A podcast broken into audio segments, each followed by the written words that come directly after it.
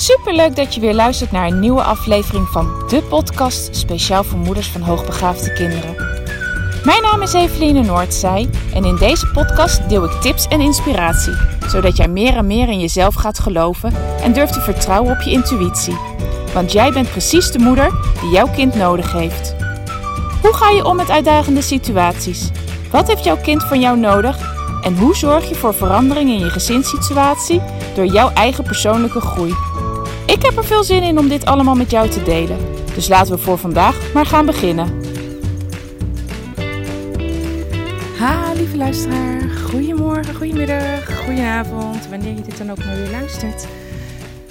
Voor mij is het in ieder geval goedemorgen. Ik was vandaag alweer vroeg wakker. En uh, ben gelijk maar even met mijn rondje begonnen.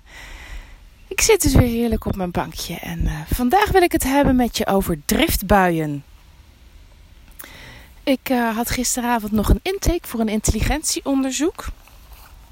En um, dit, het gaat over een jongetje wat nog uh, heel jong is. Echt sinds een paar maanden vier. En deze ouders zijn met hun andere kind al bij mij geweest. een oudere dochter. En het onderzoek wat ze voor hun zoon willen, ja, dat willen ze eigenlijk omdat ze er zo vroeg mogelijk bij willen zijn. In verband ook met, het, uh, met de hoogbegaafdheid die bij hun dochter is vastgesteld. En nou, dat, uh, dat onderzoek ga ik volgende week doen. Maar die moeder vertelde dat, hij, uh, dat hun zoon al vanaf kleins af aan driftbuien heeft. En toen dacht ik, ah, dat is wel iets wat speelt. En dat is ook voor mezelf heel herkenbaar bij mijn eigen kinderen geweest. Maar bij tijd en wijle nog wel eens. En ik dacht, nou, daar kan ik wel eens een podcast over maken. Over driftbuien. En ja, niet zozeer deze keer over uh, dat je op moet zoek moet gaan naar de oorzaak die daarachter ligt. Hè. Daar heb ik het al wel vaker over gehad in de podcasts. Ga op zoek naar de oorzaak van het gedrag. En dat staat natuurlijk nog steeds. Maar dat is een hele leuke tip van mij.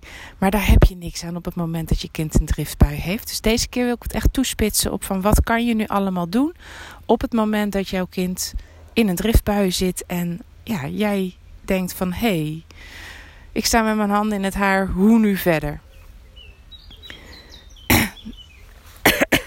nou, hoe nu verder? Dat is eigenlijk heel erg afhankelijk van het kind. Het ene kind heeft iets anders nodig op zo'n moment dan het andere kind. En je hebt kinderen uh, die zo nu en dan eens echt een driftbui hebben. En nou, die zitten gewoon helemaal vol en die moeten echt helemaal ontladen. Nou, voor die kinderen is het heel fijn als ze kunnen ontladen op het moment dat jij lekker in de nabijheid bent en echt helemaal alle spanning, stress, boosheid eruit kunnen gooien. Dus voor die kinderen is het heel erg fijn als je gewoon de tijd neemt om echt even die hele driftbui, ja, door, om door de hele driftbui heen te gaan. En wat ik dan met mijn kinderen doe, als ik een kind heb uh, die dat nodig heeft, is echt die, die nabijheid bieden. En uh, ook die driftbui gewoon toe te staan. En daarbij zitten, zijn wel grenzen. Hè? Er wordt niet geschopt, niet geslagen, een ander niet pijn gedaan. Um, maar je mag best heel hard gillen, je mag best heel hard huilen. Uh, je mag echt woest zijn en uh, nou, even vloeken. Dat vind ik zelfs ook nog wel oké. Um, maar wel dus binnen die grenzen van, die ik ook aangeef. En um, nou, dan op die manier kunnen ze dan echt helemaal ontladen. Inmiddels um, heeft een van mijn kinderen. Uh, had vroeger wel driftbuien die op die manier hè, uh, konden laten gaan. Dus door echt die nabijheid te bieden en het gewoon uit te laten razen. Um, maar dat heeft ze nu niet meer. Maar ze kan wel echt extreem boos zijn. En um, zij is dan een meisje dat van mij nodig heeft dat ik nog net even dat setje geef ja, dat klinkt echt heel onaardig. Maar als ik haar niet nog even het setje geef om echt die hele boosheid in te gaan, dan kan zij uren en dagen lang uh, in die boosheid blijven hangen.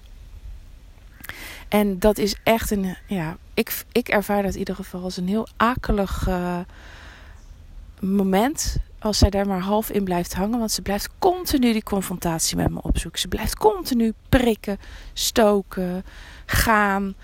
En op het moment dat ik dan niet dat setje geef, dan kan dat inderdaad gewoon zijn dat dat urenlang vol, dat ze dat urenlang volhoudt. En ja, daar ben ik niet voor gemaakt. En inmiddels weet ik dat ze er dan ook zelf echt niet meer uit kan komen. Het is niet met rustig blijven en uh, uh, met, met haar praten dat ze er dan weer uitkomt, dat ze weer dan tot reden komt.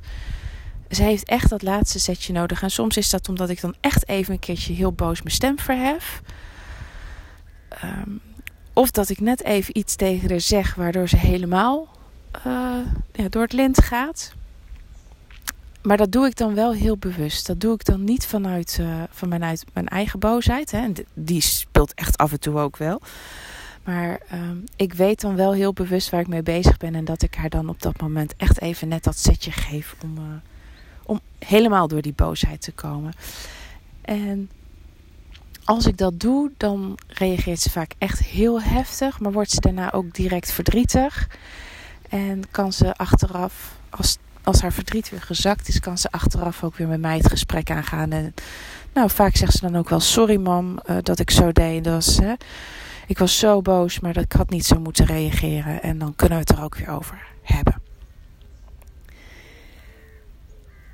En dat is het leuke van vier kinderen. Alle vier zijn ze ook anders. En uh, we hebben dan, dan ook nog een zoon. Die kan extreem boos worden. En bij hem helpt het heel erg als ik hem dan met rust laat. Hij wordt zo driftig en zo boos. En um, dat is het moment dat ik heel vaak moet zeggen: En nu ga je maar even naar je kamer. Want uh, dat is ook wat we op een gegeven moment hebben afgesproken op een rustig moment. Dat is echt wat hij op dat moment nodig heeft. Hij heeft die rust nodig. En pas in die rust kan hij um, eruit komen. En waar ik bij mijn dochter soms echt wel eventjes krachtig mijn stem moet verheffen, doen alsof ik zelf ook boos ben. Of hè, en echt even haar dat setje moet geven, moet ik dat bij hem juist helemaal niet doen. Want dat, ja, dat uh, zorgt voor olie op het vuur. Ik moet bij hem zo rustig mogelijk blijven, zo kalm mogelijk blijven. Um, ja, ik noem dat altijd me klein maken. En ik bedoel dan niet klein maken in de zin van uh, dat hij de baas is en alles voor het zeggen heeft. Maar klein maken bedoel ik veel meer niet meegaan in die boosheid, maar juist veel meer stappen terug te doen in de rust te blijven. En hem ook op die manier aan te spreken. Uh, dus van oké, ik zie dat je boos bent. Het is prima, boos zijn mag, maar doe maar even op je kamer. En hoe rustiger ik met hem blijf communiceren. En hoe rustiger ik zelf blijf en niet meega in die strijd met hem, hoe makkelijker hij er weer uit kan komen. En uh, vaak helpt het ook nog wel eens om tegen hem te zeggen van... luister, jij bent nu heel boos. Uh, dit is je eigen verantwoordelijkheid. Uh, doe ermee wat jij wil doen. Uh, het is niet jouw boosheid of jouw gevoelens zijn niet mijn verantwoordelijkheid. Uh, je mag wel altijd bij me terechtkomen. Ik hou van jou. En als je me nodig hebt, ben ik hier voor je. Maar nu ga je gewoon heel even naar je kamer. En kom maar terug bij me als je me nodig hebt. En de ene keer hè, um, gaat het beter dan de andere keer. Als ik redelijk op tijd erbij ben, uh, pakt hij het vaak nog wel dat ik hem uh, naar zijn kamer stuur. En dan loopt hij inderdaad zelf ook gewoon naar boven en gaat hij daar een hele tijd zitten. Uh, op andere momenten is hij eigenlijk al zo boos dat ik wel even met ferme hand hem gewoon naar boven breng. maar nog wel steeds die rust in mezelf blijven zoekend. Dat is niet altijd makkelijk. Dat is de grootste uitdaging, denk ik. om zelf dan ook rustig te blijven. En nou, meestal lukt het hem wel om dan op zijn kamer weer de rust te zoeken. Uh, soms moet hij echt even ontladen met enorme huilbui. Uh, maar ook dan zoekt hij mij vaak op om daar even over te praten. En dan komt hij even een kroel halen en dan kunnen we er het gesprek over aangaan. Uh, maar er zijn ook momenten dat, uh, ja, dat hij die stap niet kan maken. En dan zoek ik hem na verloop van tijd op. En dan pols ik even van... joh, ben je al zo ver dat je met me wil praten? Nou, en als ik dan een snauw krijg... nee, ga weg uit mijn kamer. Nou, dan weet ik genoeg. Dan uh, hoef ik er niet bij te zijn. Maar er zijn ook andere momenten dat hij me dan toelaat. En uh, ja, dat ik dan even bij hem op bed ga zitten. En uh, hem krol geef. en ja, we kunnen er dan vaak over praten, maar dat hoeft niet eens altijd. Soms zegt hij ook van, joh, wat ik deed was niet aardig. Of ik, ik was gewoon zo boos daarover, maar ik wilde verder eens niet meer over praten. En dan is het voor mij ook prima en dan is het afgesloten. Dan is het, die boosheid moet er dan op de een of andere manier toch uit. En wat het dan kan zijn, is dat het of opgestapelde prikkels zijn uh, die ze niet meer kunnen verwerken, of ja, onrecht voelen vanwege dat grote rechtvaardigheidsgevoel is dat ook nog wel eens een oorzaak uh, waarom ze zo ontzettend boos kunnen zijn. Maar dat maakt voor mij niet zoveel uit wat dan de oorzaak is. Als het kind zelf weer rustig is en weet van, nou ja, ik had het anders kunnen aanvliegen en ik had anders kunnen handelen, dan uh, ja, vind ik het vaak al meer dan goed. Dus er zijn verschillende wegen om, om met, in de driftbui van jouw kind mee te gaan. En ik denk dat jij zelf heel goed weet welke manier voor jouw kind het beste werkt. En op het moment dat je weet dat, dat rustig blijven uh, de beste manier is, maar dat je dat heel lastig vindt, ja, dan, dan is er werk voor jou aan de winkel om, uh, om dat onder de knie te krijgen. En dat zal je de ene dag beter afgaan dan de andere, dag. Dat is bij mij precies hetzelfde. Weet je, de ene dag ga ik mee in die boosheid en denk ik later: oh, echt, ik heb het zelf laten escaleren. En uh, de andere keer denk ik: oh ja, weet je nog, rustig blijven.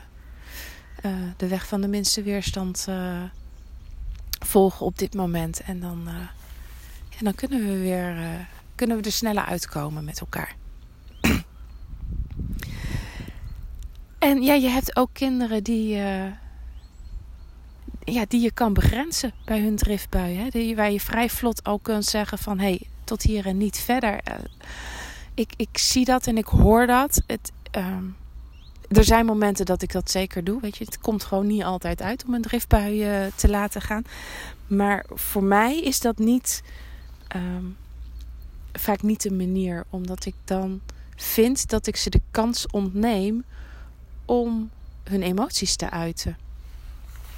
En natuurlijk heb ik veel liever dat ze dat op een, uh, op een andere manier doen. Hè? Uh, door te praten of door even aan te geven dat ze boos zijn, maar niet zo extreem boos te zijn. Alleen, ja, dat zijn ook kinderen die mogen dat nog leren. Die hoeven dat nog niet te kunnen. Wij kunnen het zelf soms nog niet eens. Tenminste, ik laat ik voor mezelf spreken. Ik kan het nog niet eens altijd. Ik word, ook ik word wel eens een keertje heel boos en driftig. Ja, kinderen hebben het niet uh, van een vreemde. Ik kan dat ook. Maar um, omgaan met je emoties is echt een van de meest complexe zaken. En ja, in de, in de kindertijd vind ik dat een, een moment waarop ze dat echt mogen leren.